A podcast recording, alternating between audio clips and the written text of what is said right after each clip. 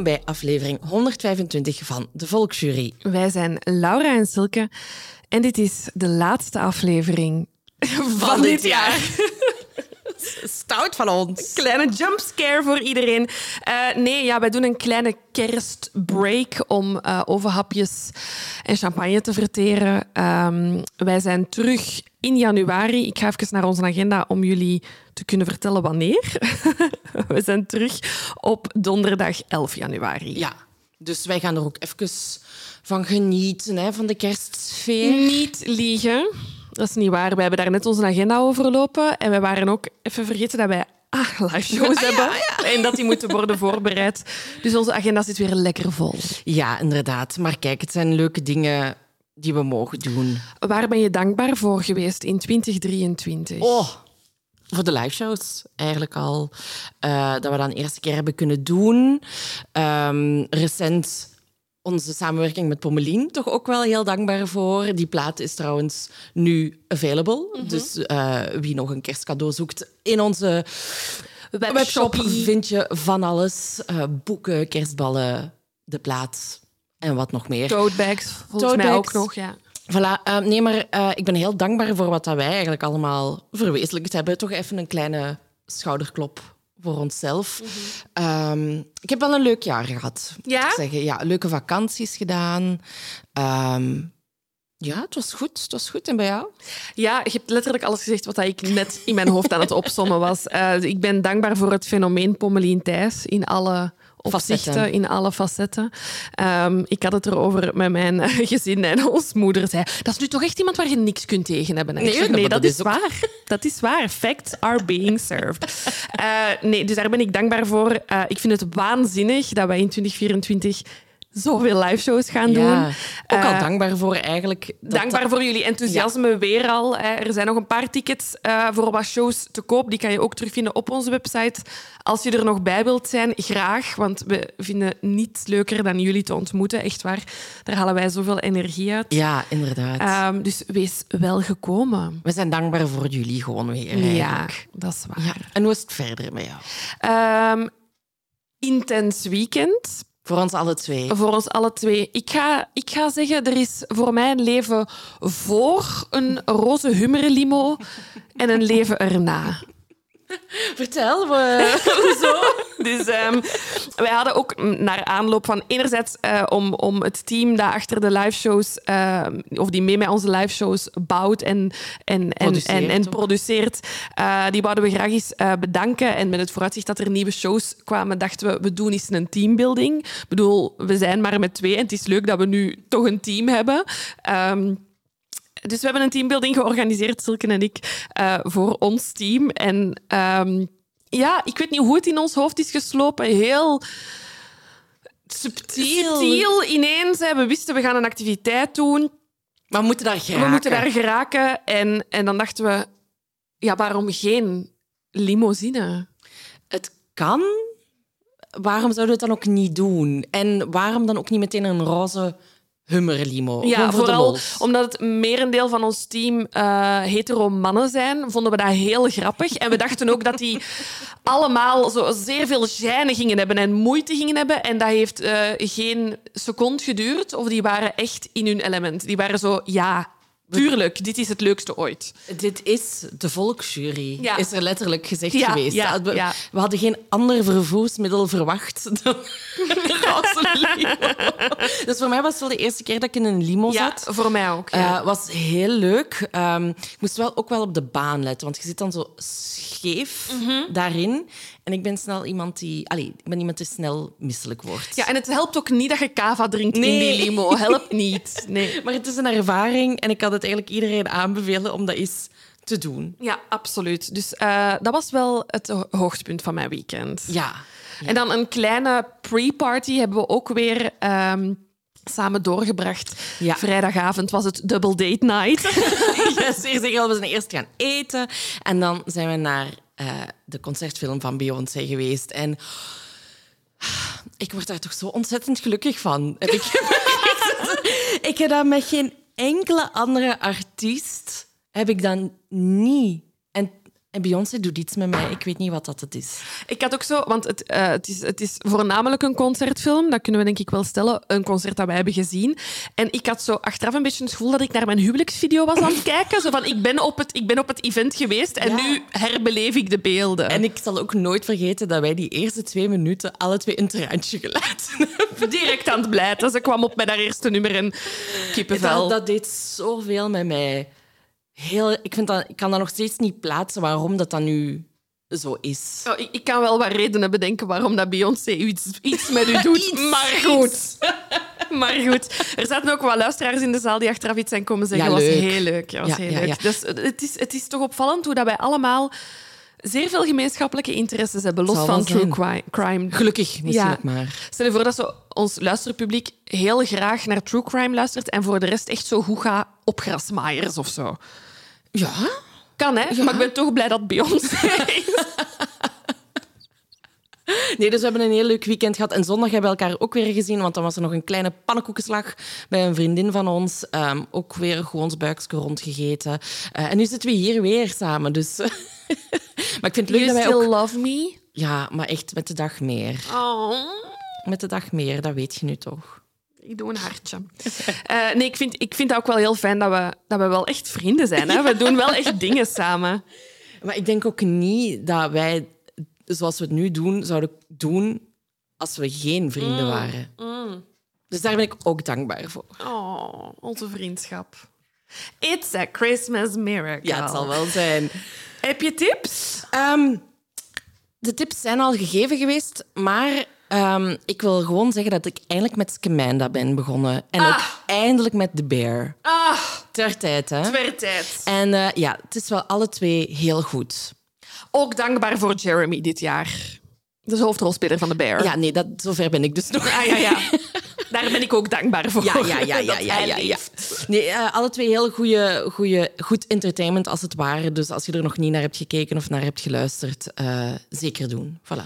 En dan heb ik nog eh, een boekentip. Eh, het is fictie. Het is het boek eh, in het Frans heet het Rest van Amélie Dieudonné, maar het is vertaald naar het Nederlands. Blijf. Ehm, een absurde thriller, ik zal het zo eh, noemen. Het gaat over een eh, vrouw die dat ehm, met haar minnaar op weekend gaat. En hij komt daar te overlijden.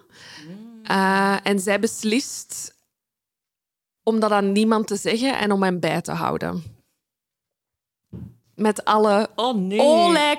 gevolgen van dien. Oh nee. Oké, ik ga lezen. Als je nog een, een leukertje wilt voor op je... Hoe heet het? Blijf. Ja, of rest in het Frans. Van? Amélie Dieudonné. Oké. Ze wordt door onze... We hebben een collega die eh, in de boekenhandel werkt. Zij omschrijft eh, Amélie Dieudonné als eh, de, Vla de, de Waalse Lise Splits. Maar die vibes kreeg ik wel al. Ja. Bij gewoon bij, het plot, de plotbeschrijving dacht ik, ja, dat zegt mij wel iets. Oké, goed. Goed, ja. En dan heb ik nog eh, de belofte van de vorige aflevering, namelijk ehm, Butternut Box. Heel benieuwd Eh, onze sponsor, die deze aflevering ook sponsoren. Hè. Zij maken vers hondenvoer, verse maaltijden, 60% vers vlees, groente, een beetje fruit.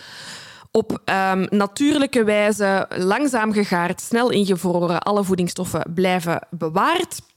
Ehm, ik ben dus naar de website gegaan en ik heb voor de hondjes hun vragenlijstje ingevuld. Ik heb zo hard moeten lachen met de vragenlijst. Want Wat, wat waren er zo vragen die Ah, wel, dus je moest als eerste de namen van je honden aangeven. En dan wer- werd elke volgende vraag met die hondennaam zo van...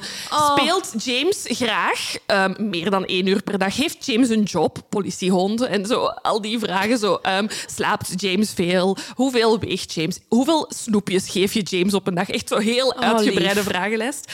Ehm, het resultaat was een eh, box gevuld met hondeneten dat bij mij thuis is toegekomen. Dat ik dan gaan verdelen in de familie. En dus ik had gewoon tegen mijn ouders gezegd van, ah ja, laat, dat- laat eens weten hè, als ze iets heeft gegeten of dat ze het goed vindt.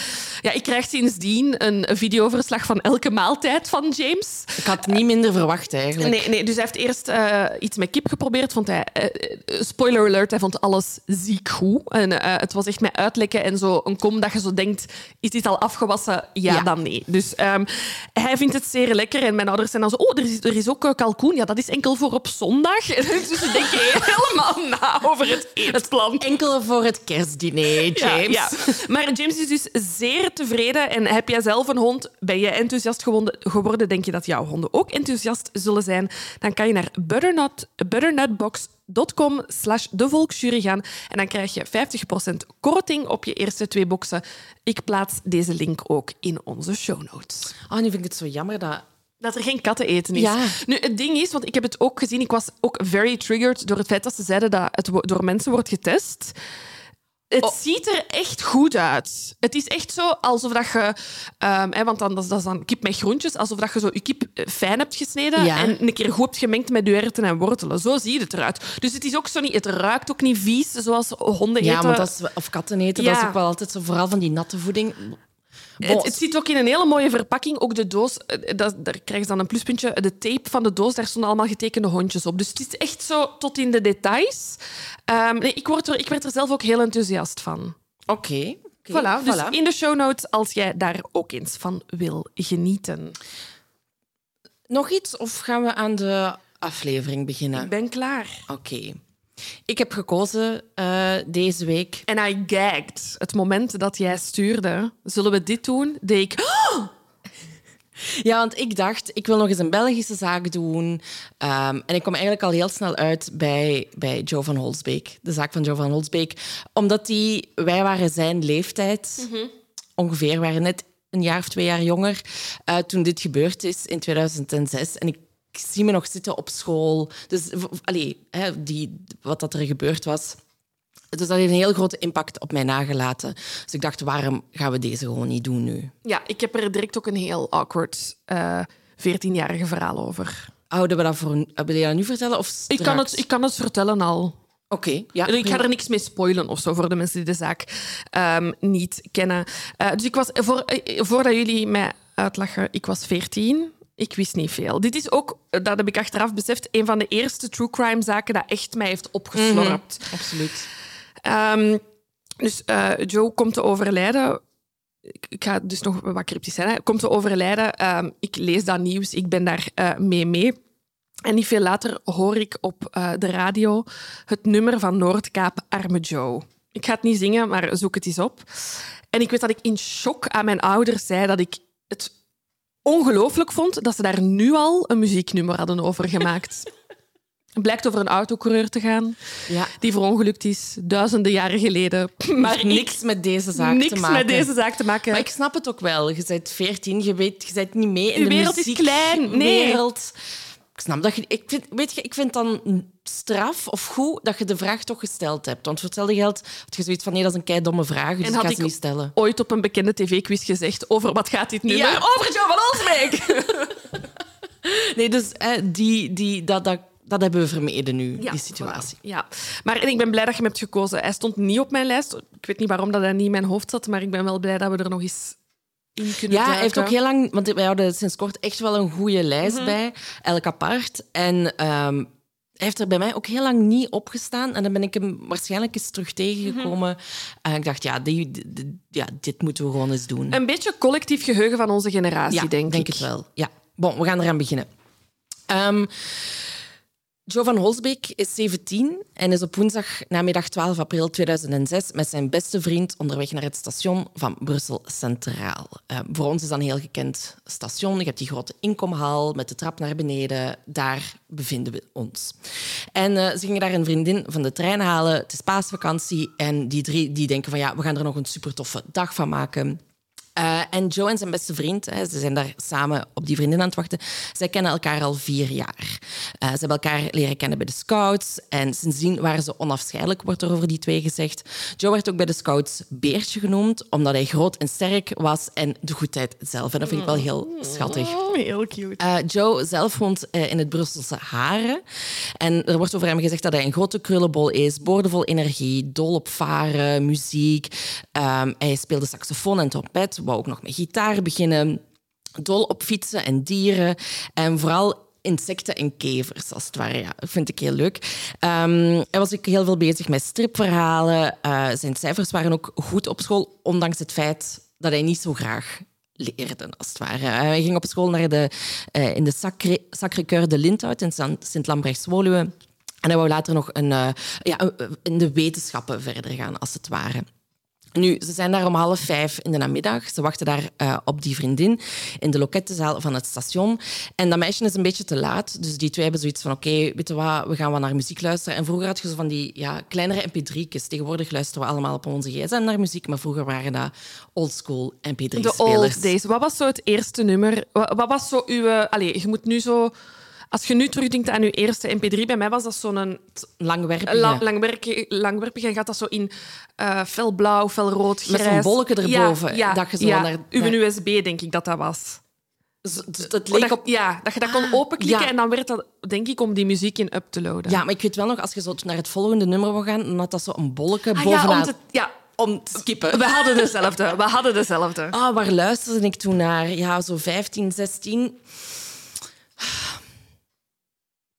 Er stond, ik heb een vivid memory aan Toxic van Britney Spears, mm -hmm. dat erop stond.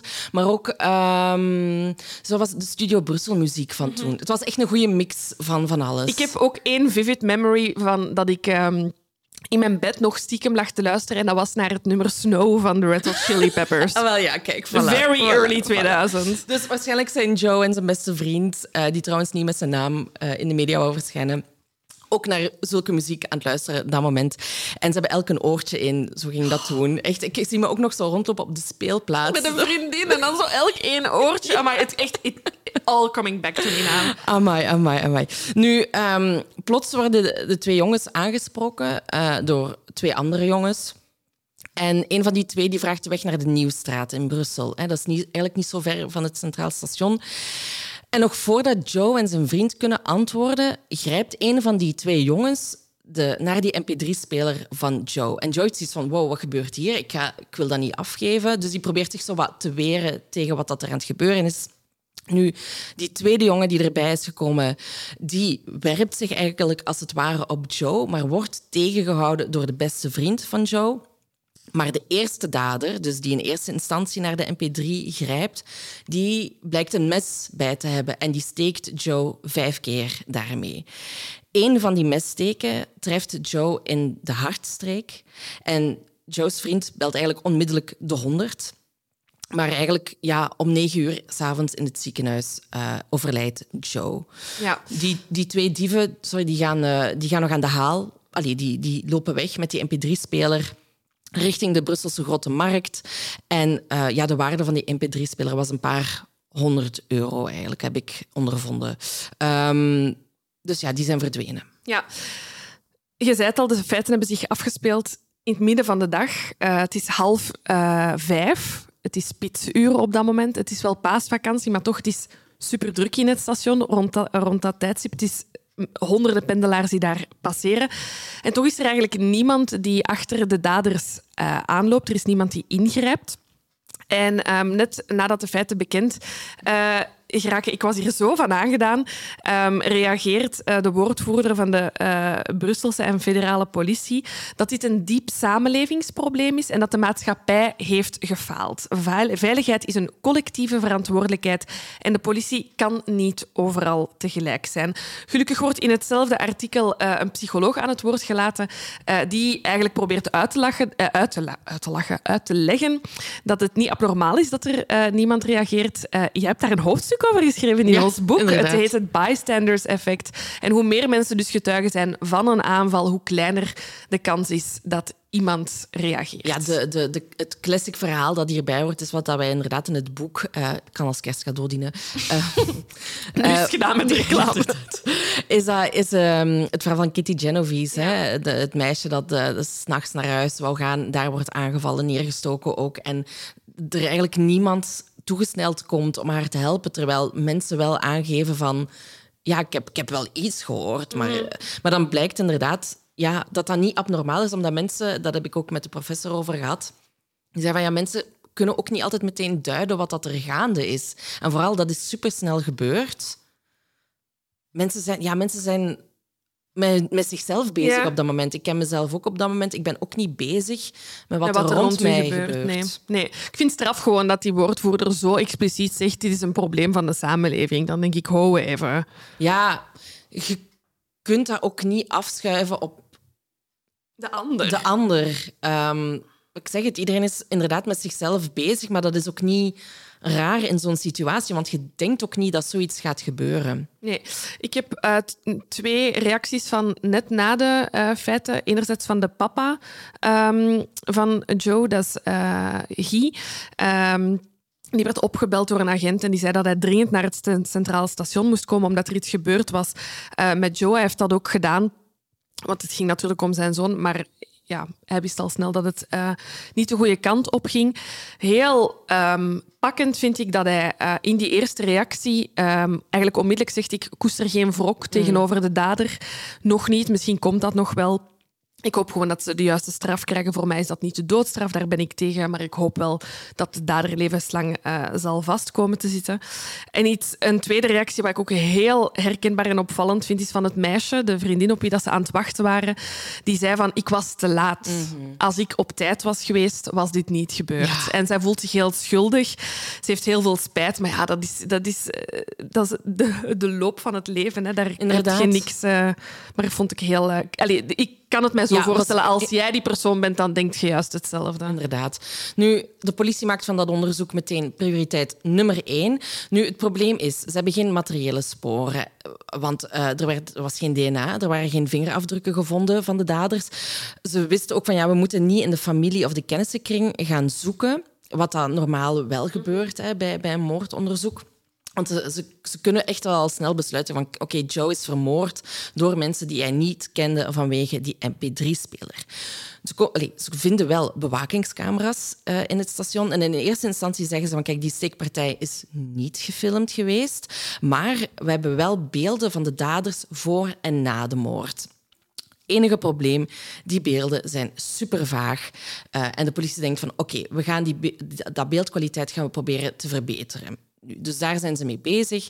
En de dag na de feiten gaan er eigenlijk 35 agenten naar het uh, station van Brussel Centraal en gaan ze daar eigenlijk alle pendelaars die ze daar voorbij zien komen ondervragen. Dat zijn duizenden mensen die bevraagd worden in de hoop om zo eigenlijk tot een goede beschrijving te komen van de daders. Ja, ik vind ook heel goed dat in datzelfde artikel de NMBS getuigt dat dit om de grootste politieactie ooit in het station. Ik kan mij voorstellen dat de NMBS-medewerkers zoiets hadden van oh my god, 35 politieagenten en die gaan iedereen hier ondervragen. Dat wordt hier één grote chaos. En het is al zo'n chaos op, op zo, ochtends.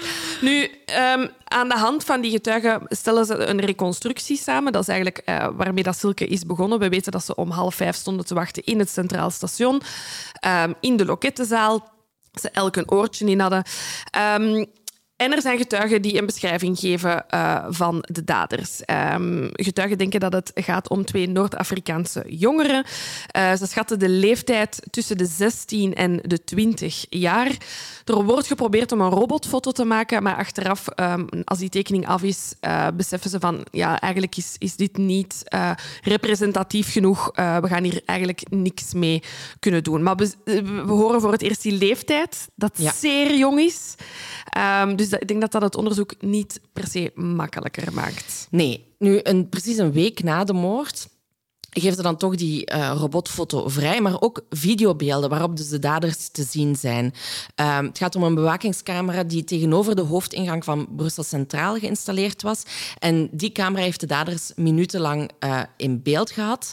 En ik vermoed dat dat de beelden zijn waar ik het net over had. Hè, dat die nog wat te vaag waren, dat ze die geoptimaliseerd hebben. Maar ben ik niet 100% zeker van. Ik zie die nu voor ja, mij. Ja, absoluut. Ik zie exact die beelden. Dat absoluut. is zo in mijn geheugen gegrift. Nu, ze krijgen een, een, een frontaal beeld uh, van de twee verdachten. En daarop te zien een, dat een van de daders uh, een trainingsjasje met Nike-opschrift aan heeft. Dat is diegene die rechts staat. Uh, hij zou de mededader zijn. Dus niet degene die gestoken heeft. En degene die uh, gestoken heeft, is eigenlijk um, een, een jongen die ook een trainingsjas aan heeft, maar zonder opschrift. En dat is eigenlijk het enige wat ze op dat moment hebben. Nu, ze, verspreid, ze hebben die beelden, voordat ze die bekend hebben gemaakt, al verspreid onder de politie zelf. Uh, en ook bij mensen, allee, of bij, bij diensten die gespecialiseerd zijn in jongerencriminaliteit, omdat ze dus weten wat dat de, de schatting is van de leeftijd. Maar dat levert geen resultaten op. Dus de politie hoopt door die beelden nu bekend te maken dat er ja, een doorbraak komt, als het ja. ware. Iets wat ik uh, opvallend vond, dat op die beelden um, op een bepaald moment een van de twee telefoneert. En die heeft zijn gsm vast in zijn linkerhand. En daardoor concluderen ze dat dat een linkshandig persoon zou moeten geweest. Allee, Ja, het zou kan allemaal, kan allemaal helpen, Ja. inderdaad. Nu, ehm, dan maken ze ook bekend dat er toch beelden gemaakt zijn van de moord zelf. Maar ze beslissen om die niet vrij te geven, omdat ja, de, de beelden zijn sowieso te vaag. Eh, dus de daders zijn er onherkenbaar op. En eh, substituut Wim de Trooij zegt: ehm, We gaan niet de beelden van de hele scène vrijgeven voor het publiek. We hebben een selectie gemaakt ehm, en dit zijn de enige beelden die, waarop de daders herkenbaar op te zien zijn. En ehm, ja, ze willen daar ook geen sensatie achter zoeken. Want wat haalt je eruit om, als je al beelden hebt van de daders, om ook nog eens de feiten echt te gaan vrijgeven? Ik weet het, maar ik vind dit wel een heel schoon eh itemke voor eh Katrien van PR.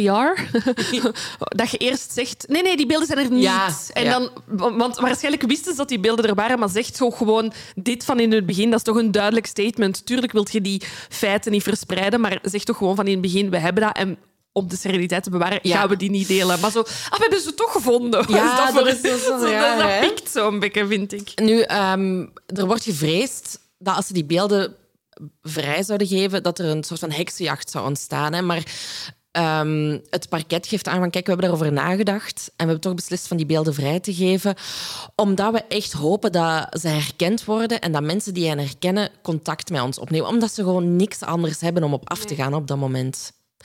En er komt ook reactie. Ehm, er, zijn, eh, er wordt verteld hoe dat 18 politiemensen tot een gat in de nacht bezig zijn geweest met het beantwoorden van telefoontjes.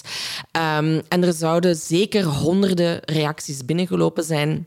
En dus ja, die tips worden op dat moment ook allemaal nagegaan of daar iets bruikbaar tussen zit. Ja, ze hebben ook meegegeven dat er ehm, eh, mensen een bericht hebben moeten achterlaten op het antwoordapparaat. Kennen jullie dat nog, kindjes? Een antwoordapparaat. Eh, omdat alle lijnen bezet waren. Maar dat ze ook naar de berichtjes op het antwoordapparaat zouden luisteren. Vond ik heel cute. Dat ze zo... Ja, ze zijn ermee bezig. Ja, ja. Ehm, ondertussen eh, komt er steun uit eh, Grote Hoek. Ik heb gelezen dat koning Albert en koningin Paola een bloemenkrans hebben opgestuurd. Ja. Mooi, mooi. hè? Ja, ja. Ehm, ook steun van dichterbij, want ehm, de vrienden van eh, Joe die eh, starten eigenlijk met een klein herdenkingsmonument in het hoekje eh, bij, in het Centraal Station van Brussel. Richten ze een monu- monumentje op waar mensen kunnen gaan rouwen, waar dat bloemen, theelichtjes en foto's worden achtergelaten. Dat start eigenlijk al drie dagen na zijn overlijden. En aansluitend starten zijn vrienden met een petitie. Een petitie voor meer veiligheid en ehm, een uitnodiging tot dialoog. Ze zeggen erbij van dit is niet omwille van racistische eh, motieven, maar ze willen wel aantonen dat ze hier met dit onderwerp bezig willen zijn. Ze hebben de website www.pourjoe.be, eh, waarop mensen kunnen intekenen, maar ook op papier. Ehm, en ze streven dus naar veiligheid op meer openbare plaatsen en op het openbaar vervoer. Ehm, en ze willen dialoog met eh, jonge delinquenten om te zien van hoe kunnen jullie beter reïntegreren in de samenleving. Zoveel verstand op zo'n jonge Dat is leeftijd. waanzinnig, hè? Het- dat, dat- ik vind dat hartverwarmend. Zeker, want ze hadden, ook, ze hadden er ook heel anders op kunnen reageren. Tuurlijk, hè? maar dat je je woede en je verdriet omzet in iets om aan te, aan, te, aan te kaarten van kijk, er is een probleem, dat herkennen we, maar we moeten hiermee aan de slag gaan. Hartverwarmend vind ik dat. Ja, en eh, we zijn het al, Joe ging dus naar school, eh, naar de Sacré-Cœur de Lindhout. En eh, de dag na de paasvakantie wordt daar een grote herdenkingsdienst voor hem orga- georganiseerd. Ook waar alle 400 leerlingen aanwezig zijn. De directeur doet een praatje, leerlingen doen een praatje, vrienden doen een praatje. Ehm, en het is eigenlijk ja, echt om hem te herdenken en te rouwen ook, hè, ehm, om het verlies van Joe. En eh, de, de titularis van de klas van Joe, eh Karin Dalk, die zegt wat me het meest is bijgebleven van de eerste schooldag is dat we uiteindelijk meer gelachen hebben dan geweend. Het grootste deel van de tijd hebben we doorgebracht met het vertellen van anekdotes over hem en het smeden van nieuwe plannen. De petitie loopt, nu komt de herdenkingsplechtigheid. En ze zegt van ja, die positieve sfeer, dat heeft eigenlijk alles te maken met wat dat voor persoon Joe was. Want wie Joe zegt, zo gaat Karin verder, zegt feesten en van het leven genieten. We weten gewoon dat we, dat we Joe het zo het liefste... Sorry, we weten gewoon dat Joe het zo het liefst had gehad. Ja, ja heel sterk. Hè. Lijkt mij eh, echt niet makkelijk als leerkracht en als directeur om dat nieuws te krijgen en te weten van shit gast, morgen moet ik 400 leerlingen opvangen. Ja, en bij ons kwam dat al zo fel binnen. Ik zie me nog in de klas zitten Mhm.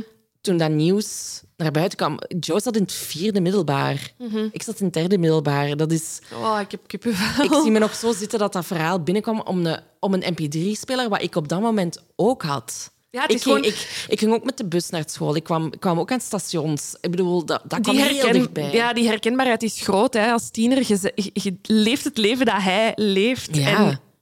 En zo iemand wordt het leven ontnomen. Ja, waanzin. Ehm, over zijn begrafenis? Ehm, ik heb nog heel even iets over die herdenkingsplechtigheid nog. Er is ook ehm, eh, een klasgenote, Valerie, die zegt eigenlijk van kijk, we denken aan de... Ze doet een speech en ze zegt van we denken aan de familie van Joe, maar ook aan de dader. Want met zoiets door het leven gaan, het moet niet makkelijk zijn voor hem.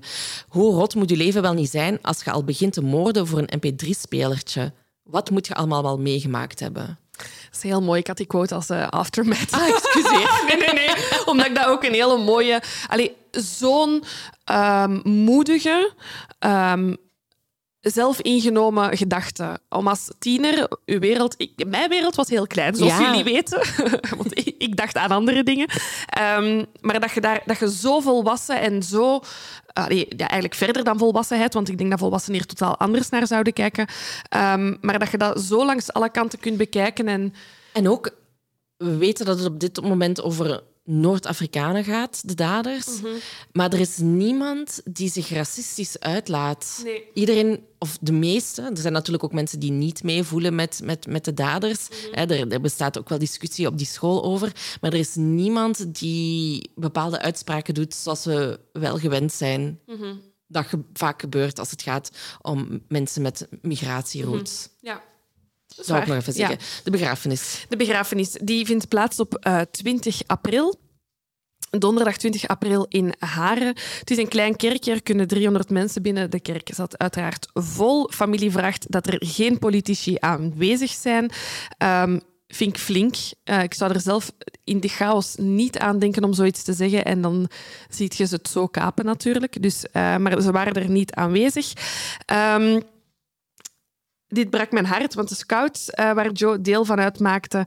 ehm, hij zat in de zeescouts. Die hebben een kring rond de kerk eh, eh, gemaakt voordat de, de plechtigheid begon. En om tien uur hebben zes medescouts zijn kist naar binnen gedragen. Ehm, dat moet het allermoeilijkste ooit zijn om uw vriend in een kist een kerk binnen te dragen. Ehm, de dienst werd massaal bijgewoond door leeftijdsgenoten. Ehm, en in die intieme sfeer was er geen haat, geen verwijzing naar de daders, veel verdriet. Ehm, en zijn broer Jimmy die, eh, gaf een heel aangrijpende eh, speech. Hij zegt, vaarwel mijn kleine broer, vaarwel mijn vriend. Kon ik je maar vertellen hoeveel ik van je hield. En eh, buiten de kerk eh, hadden ze ook een groot scherm opgesteld waar dat, eh, nog honderden mensen de dienst op hebben gevolgd. En bij de start van de gebedsdienst houden de bussen, trams en metro's in Brussel één minuut halt als eerbetoon aan Joe.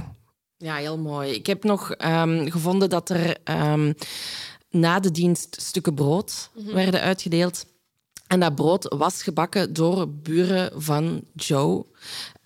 Dat waren ook mensen met een migratieachtergrond die dat brood hebben gebakken.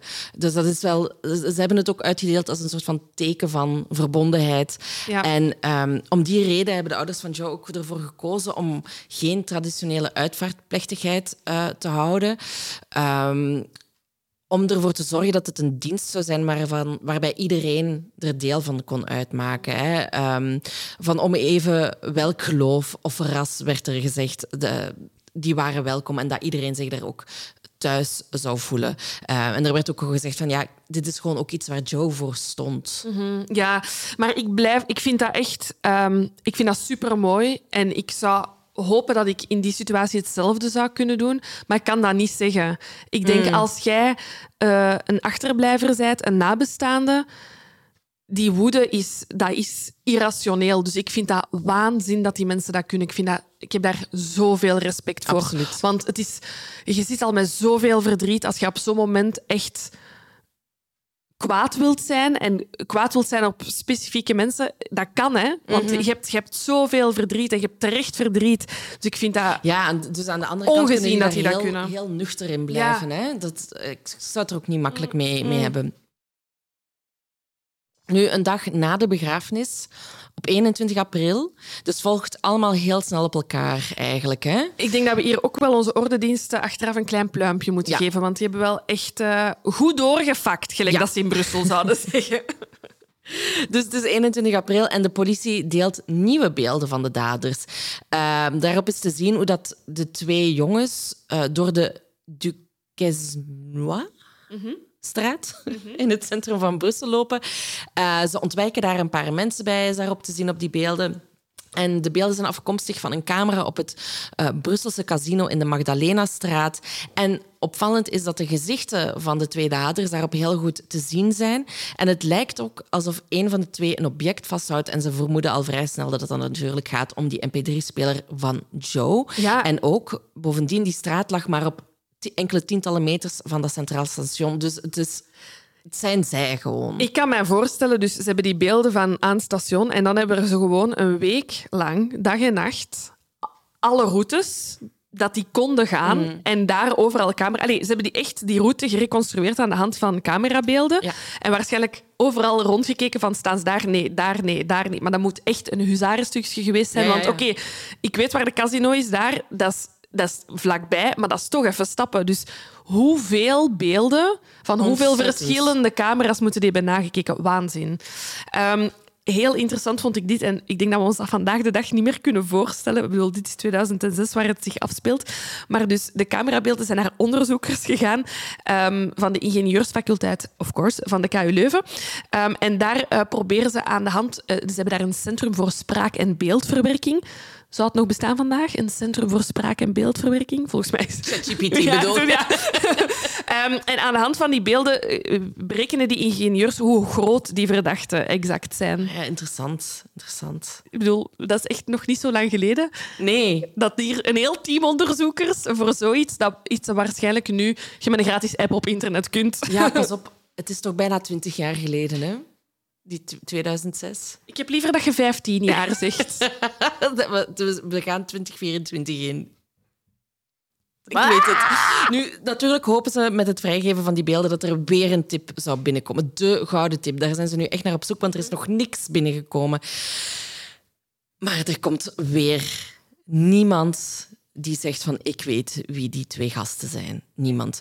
Nu, ondertussen zegt de Unie van Brusselse, de Unie van Brusselse moskeeverenigingen vraagt aan de imams in Brussel van kijk, roep een keer op dat als iemand iets weet, dat ze naar voren moeten komen.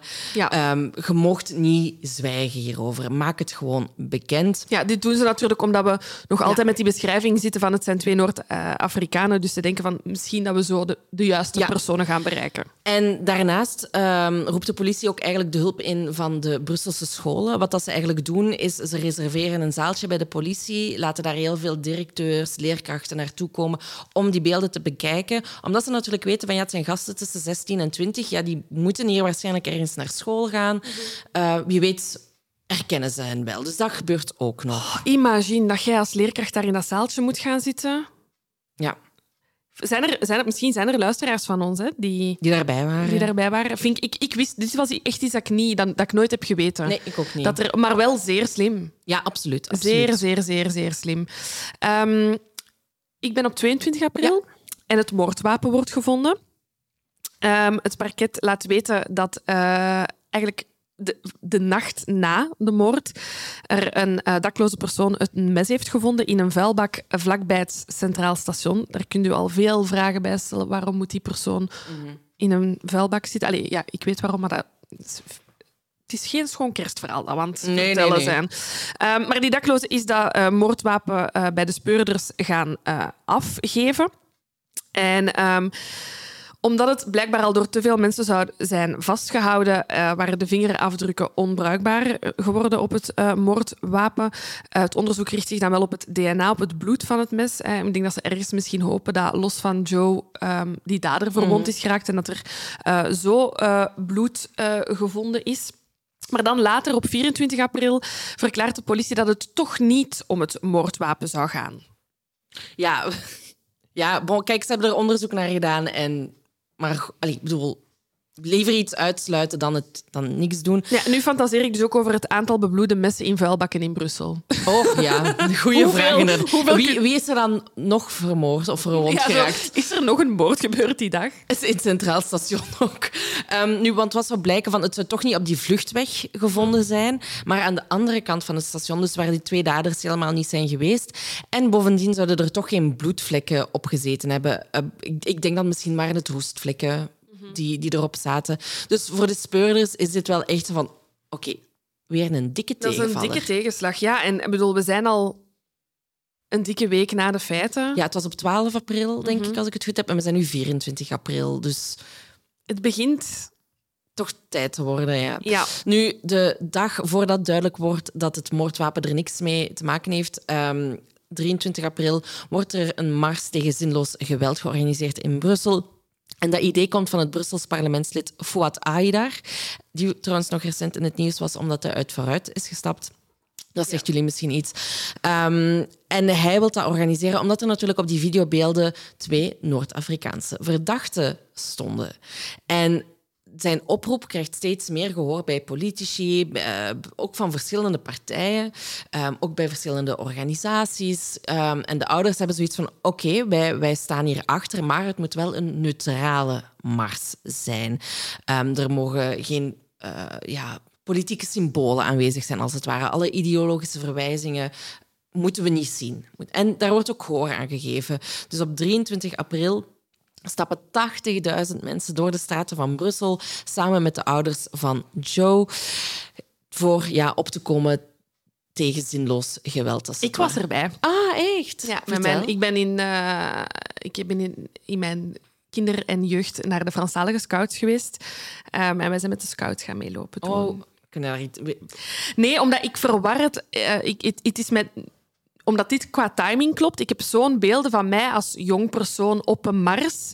En ik heb, soms dacht ik van, was dat dan eh, de Witte Mars ten tijde van Dutroux? Maar dan dacht ik, ja, dat kan ik mij... dan veel te jong, hè? Ja, dan was ik veel te jong en dan was ik zo. Waren er nucleaire aanvallen in die periode waarvoor ik... Dus ik wist niet meer waarvoor. Ik, ik, ik weet heel lang... Ik ben met de scouts in uniform geweest, maar ik, ik wist niet meer welke mars. Ik las dit en ik was echt zo... Dat was- Ja, dat was het. Dus ik heb het niet geweten totdat ik nu... En weet je nog iets van de sfeer of zo die er Ik toen weet, was? ik weet dat het goed weer was, dat weet ik nog. Eh, en dat we echt met alle Brusselse scouts eh samenliepen en dat er veel witte ballonnen waren. Ah ja, dat weet zal ik nog. geweest ja. Ja, dus het is eigenlijk een, een enorm succes, die mars. En ehm, onder de aanwezigen zijn ook heel veel mensen met een migratieachtergrond die eigenlijk hun sympathie willen tonen aan de ouders. En er is ook een imam die zegt van kijk, hier zijn enorm veel moslims. We zijn hier allemaal om te tonen dat we tegen geweld zijn en om een boodschap te geven aan de jongeren. Zij moeten werken aan hun toekomst en weten dat criminaliteit geen oplossing is. We willen een veilige samenleving en daarvoor moet iedereen zijn verantwoordelijkheid nemen. Ja, ik heb nog twee opvallende eh, aanwezigen. Eh, de ouders van Jody werden bijgestaan door Paul en Betty Marchal, de ouders van Anne, een van de slachtoffers van Dutroux. Ja. Nu, de dag dat we ehm, te weten komen dat het moordwapen niet het moordwapen is, komen we ook nog iets anders te weten. Want alle, er, worden weer een, er wordt weer een sessie beelden tonen aan leerkrachten en directeurs georganiseerd bij de politie. Het is al de derde sessie. Ehm, en dat zijn allemaal eh, directeurs en ehm, leerkrachten van het Franstalige net. En het enige verschil met die twee vorige sessies is dat er nu weer nieuwe beelden zijn van de daders. Het zijn haarscherpe, high-definition beelden van een, camera, van een camera uit het metrostation Beurs. En daarop zijn de twee daders uiteraard te zien. Het enige verschil is dat ze die, eh, die vestjes die ze aan hadden op de andere beelden niet meer aan hadden. Maar volgens de politie, het, is, het zijn haarscherpe beelden, dit zijn ze. En er is een leerkracht van het Athénée Royal Leonardo da Vinci in Anderlecht die meteen een van de daders herkent. Oh, de grond onder uw voeten zakt weg. hè? Maar echt waar. Ja, dus die eh, zegt van ik herken eh, een van de twee. Ehm, misschien moeten we even samen naar school gaan, kijken het inschrijvingsformulier, eh, naar waar, na, waar dat ook een foto op van in te vinden is van een van, eh, van, nee, van de leerling. Ehm, en dat gaf inderdaad de doorslag. Um, een van de daders wordt geïdentificeerd als de 16-jarige Marius. Ja, en diezelfde dag om half vijf, dus de lessen zijn gedaan, wordt Marius thuis in de boeien geslagen. En die jongen deed alsof dat hij in Keulen hoorde donderen. Hè. Die jongen wist zogenaamd van niks, totdat hij geconfronteerd wordt met die foto's uit het metrostation waarop hij en de tweede dader duidelijk te zien zijn. En hij zegt over die tweede dader van ja, ik heb hem wel eens gezien, maar ik ken die niet echt. Nu, bon, de speurders doen verder, die doen ook nog een buurtonderzoek, die gaan het huis ook doorzoeken. En daar vinden ze dus het Nike-t-shirt dat hij aan had op die allerlaatste beelden. En Marius heeft dan zoiets van: Oké, ik vertel jullie wat dat jullie willen weten.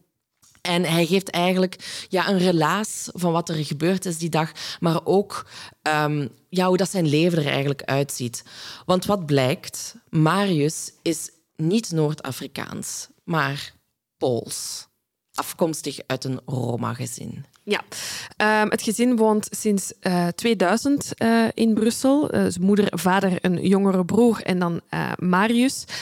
Ze verblijven illegaal uh, in ons land en ze werken in de gekende zwarte circuits. Uh, dus uh, mensen worden in zwart betaald, krijgen geen contracten um, en kunnen zo dus eigenlijk al ja, zeker zes jaar lang overleven in onze hoofdstad. De kinderen gaan ook naar school. Hoe dat, dat dan praktisch gaat, dat weet ik niet.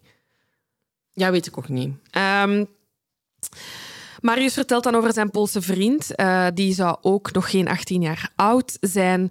Uh, die was op doorreis en die kwam hem opzoeken. Ze gingen samen op rooftocht en dat zou niet de eerste keer uh, geweest zijn.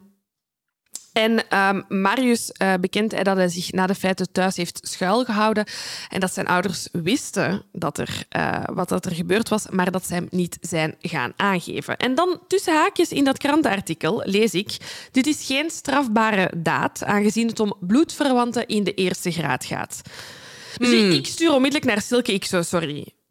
Kunnen we dit bevestigen? Sorry, als ik morgen een moord pleeg en ik bel naar mijn moeder om dat te bekennen, mag zij gewoon zwijgen. Gelukkig moet uh, Silke het strafwetboek van mij niet uit haar hoofd kennen. En hebben wij nu uh, hotline strafpleiters die dat wij kunnen bellen. Um, ik heb met Amelie van den Bergen mogen bellen. Ze hebben haar ook geïnterviewd voor ons uh, tweede boek. Damn, ik dacht dat we niet meer over ons boek gingen spreken, maar here wist we go. dit naartoe. Here we go again. Um, en Amelie heeft het voor mij opgezocht. Ik ga dit navertellen. Ik ga mogelijk fouten maken. Maar ik ga het proberen zo juist mogelijk te vertellen. Ja. Ik maak een onderscheid met je ziet een moord, je bent erbij, of je ziet hem niet en je hoort het achteraf. Mm -hmm. Als je hem ziet, heb je sowieso, wie je ook zijt op de wereld, moet je het melden. Plicht, een meldingsplicht. Hè? Ja. Want je bent ooggetuige en anders zou je kunnen spreken van schuldig verzuim. Stel, ik weet het niet. Hè. Ik heb een moord gepleegd en ik uh, vertel dat enkele dagen later aan mijn mama. Als mijn mama in die hoedanigheid privé is en dus geen functie heeft als rechter, politie, mm. ambtenaar. En zij is mijn mama, effectief, door DNA vastgelegd. Uh, dus dat eerste lijn is wel belangrijk. Het moet uw broer, zus, echtgenoot of uh, ouders zijn. Ah, echtgenoot ook. Want dat is niet bloed. Nee, maar je zet, ja, trouwen is wel, oh. dan ben je ook ja, ja, ja. connected. Um, dan wordt er gesteld um, dat het eigenlijk nog altijd uw plicht is. Het is altijd uw plicht om te vertellen wat er gebeurd is. Maar dat wringt natuurlijk. Dus is er een Belgische oplossing gekomen? Uiteraard. En kunnen deze mensen niet gestraft worden? Maar het moet wel, maar je wordt niet gestraft. Snap je? Ja, ja, ja. Het is een soort van gedoogbeleid. Van, het is tegen de natuur om te getuigen tegen je eigen ouders of, of tegen je eigen kinderen of broers en zussen. Dus je gaat nooit gestraft worden, je gaat niet veroordeeld worden voor schuldig verzuim. Maar het is toch je plicht. Maar het is toch niet erg als je niks zegt. Vond ik een heel, een hele uh, gra allez, grappige, typische Belgische oplos oplossing. Um, ik moet zeggen dat dat me ergens gerustgesteld heeft. Want nu weet ik naar welke personen ik moet bellen Absoluut. als er iets gebeurt. Jullie allemaal nu. Ad mamatje. Pak op als ik bel. Um, nee, en ik begrijp het ook wel, dat je in een rechtbank niet voor het voldongen feit wordt gesteld van waarom heb je niks gezegd? Maar als je, als je het hebt gezien, als Dan je erbij wel waart, dan moet je het zeggen. Toch, toch een belangrijke nuance. Nu, ehm, wat dat Marius zegt, is dat zijn mededa de andere dader, dat hij degene is geweest die, die Joe gestoken heeft, vermoord heeft met het mes, daadwerkelijk. En dat Marius Joe eigenlijk een beetje van moest afleiden om die mp3-speler te kunnen stelen, omdat die andere dader geen Frans sprak. Dus dat is een beetje het scenario, zegt Marius. Maar ehm, het enige wat hij nog over die dader wil zeggen is van kijk, hij is daarna naar Polen terug vertrokken. Hij was hier op doorreis en is vertrokken met die mp3-speler van Joe om daar te verkopen. Ehm, nu, na veel vijven en zessen wil hij dan toch een voornaam zeggen en blijkt zijn mededader Adam te heten. Hij zegt, ik weet niet wat dat zijn familienaam is, ik weet niet waar dat hij woont, ik weet ook zijn leeftijd niet, zegt hij. Nu, ehm, de politie gaat het gsm-verkeer van Marius na en ziet dat Adam hem nog gebeld heeft. Na zijn vlucht naar Polen, als het uiteraard. En wat blijkt, Adam heeft Marius gebeld met de gsm van zijn broer.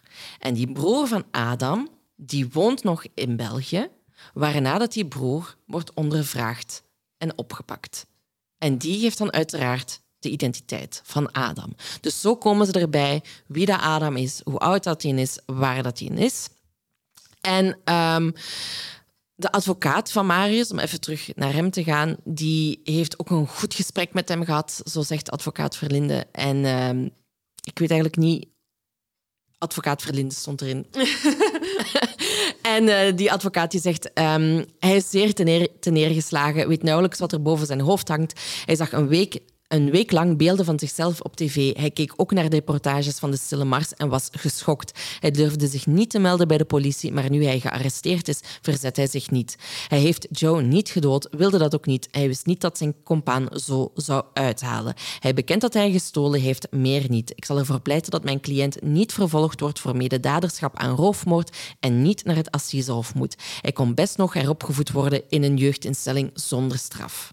Ja. Maar ehm, je zit daar dus thuis als dader bij je ouders, die al op de hoogte zijn van wat dat je gedaan hebt. En je ziet al die beelden, je ziet alles binnenkomen. Ik vraag me dan vaker af, bij zo'n daders, als je weet dat het dan zo big news is, hoe gaat je daarmee om als... Bah, ik denk sowieso... Ik bedoel, we zitten hier met een 16-jarige jongen. eh, los van de zware feiten dat hij heeft gepleegd of aan heeft medegepleegd, wat zijn hoofd sowieso al zal upfokken. Dit nog eens... Allez, voor mij, dit is het, ik denk al, dit is bijna een lost case. Ik bedoel, overkomt je al deze trauma's in je leven? Ik denk het niet. Nee. Ik denk het niet. Ik vind het straf dat hij nog naar school ging. Want ik zou denken, ik ben super herkenbaar. Ondanks het feit dat dat vage camerabeelden zijn. Hoezo ga jij nog naar school? Ja. Want we weten ehm, dat in die eerste week ehm, ook zo afwezigheden werden opgevraagd bij scholen. Hè. De- de- dus hij moet nog naar school zijn geweest, want anders was hij al sneller eruit gesprongen als verdacht, omdat hij al een week onwettig afwezig was. Ja, ergens dan ook wel slim van hem, hè, om wel gewoon door te gaan met het leven, als het ware. Om er net niet verdacht... Ja, ik denk, dat je, ik denk dat je ook heel optimistisch wordt. Elk uur dat je niet gepakt wordt, en dan wordt dat een dag, en dan wordt dat twee dagen, en dan wordt dat een week. Ja. En je ziet al eens camerabeelden en nog eens camerabeelden. En ik denk dat niemand en je- dan, dan denk ik dat je op den duur begint te denken... En ook, ze waren totaal niet op het Poolse spoor. Dat- het waren, het waren Noord-Afrikanen die ze aan het zoeken waren. Tuurlijk maakt je dan geen zorgen. hm, ik denk wel dat hij zich zorgen Ja, ja, maakte. maar maar- maar zeggen, de, de kans voor hem werd kleiner dat hij gepakt zou worden, omdat de politie op een totaal verkeerd spoor zat. Nu, ehm, na zijn ondervraging wordt Marius ter beschikking gesteld van de jeugdrechter en wordt opgesloten in een gesloten instelling in afwachting van het verdere onderzoek. Ehm, nu, Zal ik Adam zijn Ja, route graag. keer doen? graag. Ehm, we weten nu ook dat Adam minderjarig is. Hè. We kennen zijn identiteit. Dus een Europees aanhoudingsmandaat is eigenlijk niet van toepassing. Maar net als in België kan eh, een Poolse onderzoeksrechter hem toch uit handen geven als volwassene ehm, wegens de ernst, ernst van de feiten. Dus eh, wat hebben de speurders? Ze hebben zijn identiteit. En ze hebben dat gsm-nummer. Waar, eh, want hij heeft dus ehm, met zijn eigen gsm ook nog contact gezocht met zijn broer. Uh, dus ze, ze, hebben de signalen van Adam zijn gsm en ze weten wie hij is. De Poolse autoriteiten worden gecontacteerd, uh, geïnformeerd. Ze hebben een achternaam. En die hebben zich daar opgesmeten gelijk zot. Er werd 200 man gemobiliseerd om Adam te zoeken in Polen. Wat ook gebeurde, was dat de Poolse media alles wat in de Belgische pers verscheen um, doorpubliceerde. Dus alles verscheen daar ook in de krant. Zo gaat dat, denk ik dan. Um, maar het ding is natuurlijk dat uh, Adam ook het nieuws in Polen kon mm. volgen. Dus dat, hij vaak, dat, dat eigenlijk de media vaak eerder op de hoogte was of dingen verspreidde, waardoor hij ja, eigenlijk kon blijven vluchten. En die vlucht heeft wel even geduurd. Meer dan 300 kilometer is hij ja. kunnen uh, vluchten. Dus ze hebben zijn naam, ze hebben zijn adressen in Polen. Ze gaan naar uh, familie, ze gaan naar uh, woningen, maar dat levert niks op. Ze vinden Adam niet. Um, uiteindelijk wordt zijn gsm gelokaliseerd in een buitenwijk van Warschau. De politie komt daartoe tien minuten te laat, want opnieuw was hij via de media gewaarschuwd dat er een klopjacht aan de gang was. Um, en hij wist dus nu ook dat dat via dat gsm-nummer gebeurde. Dus hij wist ook, als ik mijn gsm uitzet, dan kunnen ze mij niet traceren. Dus dat heeft hij gedaan. Zijn gsm staat meer dan 24 uur uit. En dan heeft hij in zijn naïviteit, jeugdigheid, slordigheid zijn uh, gsm terug aangezet. Ja, dat is absurd. Hè? Dat dat dan... Ja, of uit wanhoop. Hè? Hij heeft hulp nodig en dat ja. is de enige manier waarop dat hij mensen kan... Zijn nummers, al zijn nummers staan daarin. Hè? Ja, en hulp krijgt hij, want ze, vind, ze ontdekken dat hij eigenlijk met een vluchtauto onderweg is... Um, naar een nieuwe locatie. Die wordt bestuurd door een familielid, aangezien dat hij zelf minderjarig is en dus niet met de auto kan uh, rijden. Um, en uiteindelijk um, op 300 kilometer van Warschau in het noordoosten van Polen tegen de Litouwse grens sluit het net rond Adam en hij wordt daar met zeer veel machtsvertoon gearresteerd. Uh, opvallend is dat hij dezelfde trui aan heeft als ja. op de feiten, dus op alle camerabeelden, dus zeer herkenbaar is. Um, uh, en voor het oog van de camera wordt Adam in de boeien geslagen en um, in het artikel stond dat hij zichtbaar uitgeput was uh, door het uh, lange vluchten en dat hij dus ook geen weerstand meer bood en misschien ergens opgelucht was dat het achter de rug was. Ja, ik heb no ja dat, dat, geloof ik sowieso wel. Daders zijn vaak opgelucht, ook, hè, als het voorbij is. Nu, wat ik nog heb gevonden over die klopjacht. Hè, dus hij zit daar in, uh, in, dat, in dat dorp. Uh, dat zou ook een, een uh, Roma-dorp zijn.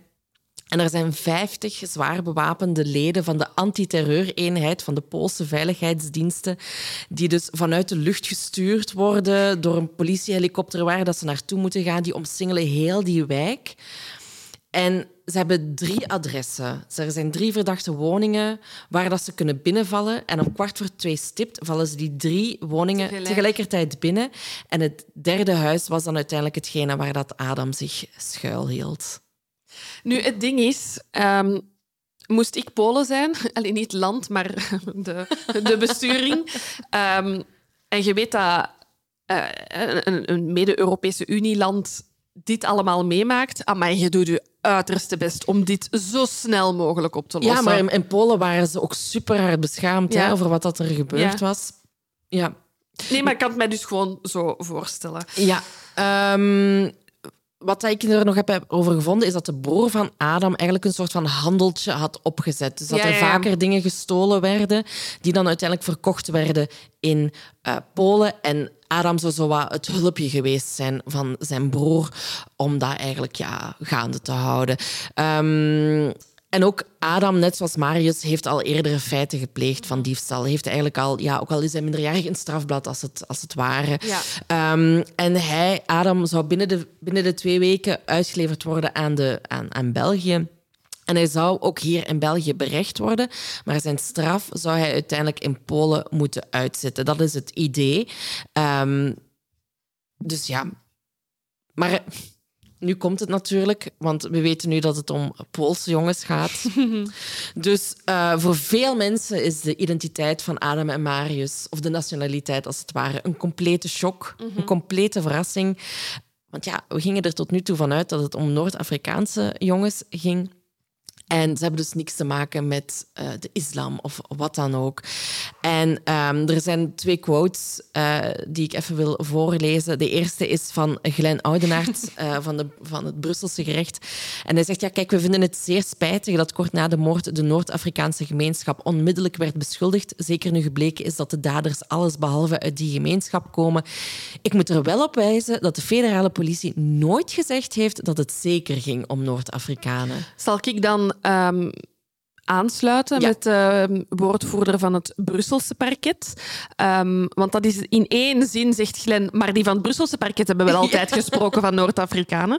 Dus de Jos, echt de Jos van het Brussels parket, die uh, veronderschuld, allez, verontschuldigt zich. En hij zegt inderdaad, het spijt ons dat we die terminologie gebruikt uh, hebben. Maar dat was natuurlijk wel gebaseerd op eerdere getuigenissen.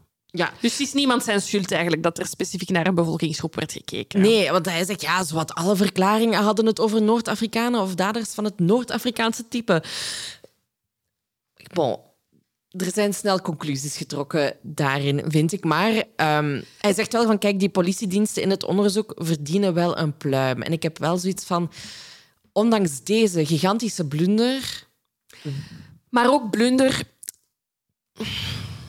je ja. bent wel allemaal met man en macht op zoek. En als tien getuigen zeggen, ik denk dat die van Noord-Afrikaans... Je moet met iets werken, vrees ik. Ja. Je maar kunt pas factchecken natuurlijk achteraf. op basis van vage beelden mm. en getuigenissen, ja, weet ik ook niet wie dat er Pools uitziet en wie, wie Deens of wat. Allee, ik bedoel, snap je wat nee, ik wil zeggen? Nee, en ik, ik, het perfecte voorbeeld is mijn lief, Lucas, mm. die letterlijk voor elke nationaliteit op de aarde kan doorgaan. Overal waar wij komen, denken mensen dat hij van het land van herkomst ja, ja, ja, ja, ja. is. Um, maar omdat je zo met beelden bezig bent en met uiterlijke kenmerken, want het is duidelijk dat we op DNA niet moesten rekenen, op, op een getuigen of... Het enige wat ze hebben zijn die beelden. En dan, ja, dan valt je denk ik al snel inderdaad in uh, stereotypering. Zeker ook met de feiten die gepleegd zijn. Dat is nu eenmaal het menselijke brein. Um, wat dat bijzonder spijtig is. En ik ben blij dat er... Um, ik ben één, blij dat er excuses zijn gekomen. Ja, dat zeker. En uh, twee, opnieuw, die gemeenschap heeft... Uh, de Noord-Afrikaanse gemeenschap, de imams van Brussel, die hebben zich zeer, zeer solidair volwassen en Um, allee, um... Iedereen heeft zich heel volwassen gedragen in deze zaak. Ja, ja. Zeer ja. raar. Zeer atypisch. um, nee, maar dus die, die hebben daar ook allemaal... Allee, en, en ook mm, het feit dat dan zoveel mensen van Noord-Afrikaanse origine zijn meegaan uh, stappen in die mars. Het was echt duidelijk van dat al die mensen zoiets hadden van, los van de nationaliteit hebben wij wel medeleven. Het gaat hier over mm. individuen. Dus ik denk, zelfs als het Noord-Afrikanen waren geweest, dat maakt niet uit, want het gaat over één individu die een feit pleegt. En daar ja, moet geen hele... Voor, voor, andere mensen is dat niet zo, hè? Ik weet het, maar die andere mensen die mogen van mij... Nee, ik ga zwijgen. Bon, we zullen... Je weet hoe ik erover denk. we daar alle twee over denken. Um, we zullen naar de rechtszaak gaan. Ja. Ik ga eerst die van Marius doen. Dat is goed. En dan zal ik ja. de Adam doen. Dus we weten dat Marius en Adam op het moment van de feiten minderjarig zijn.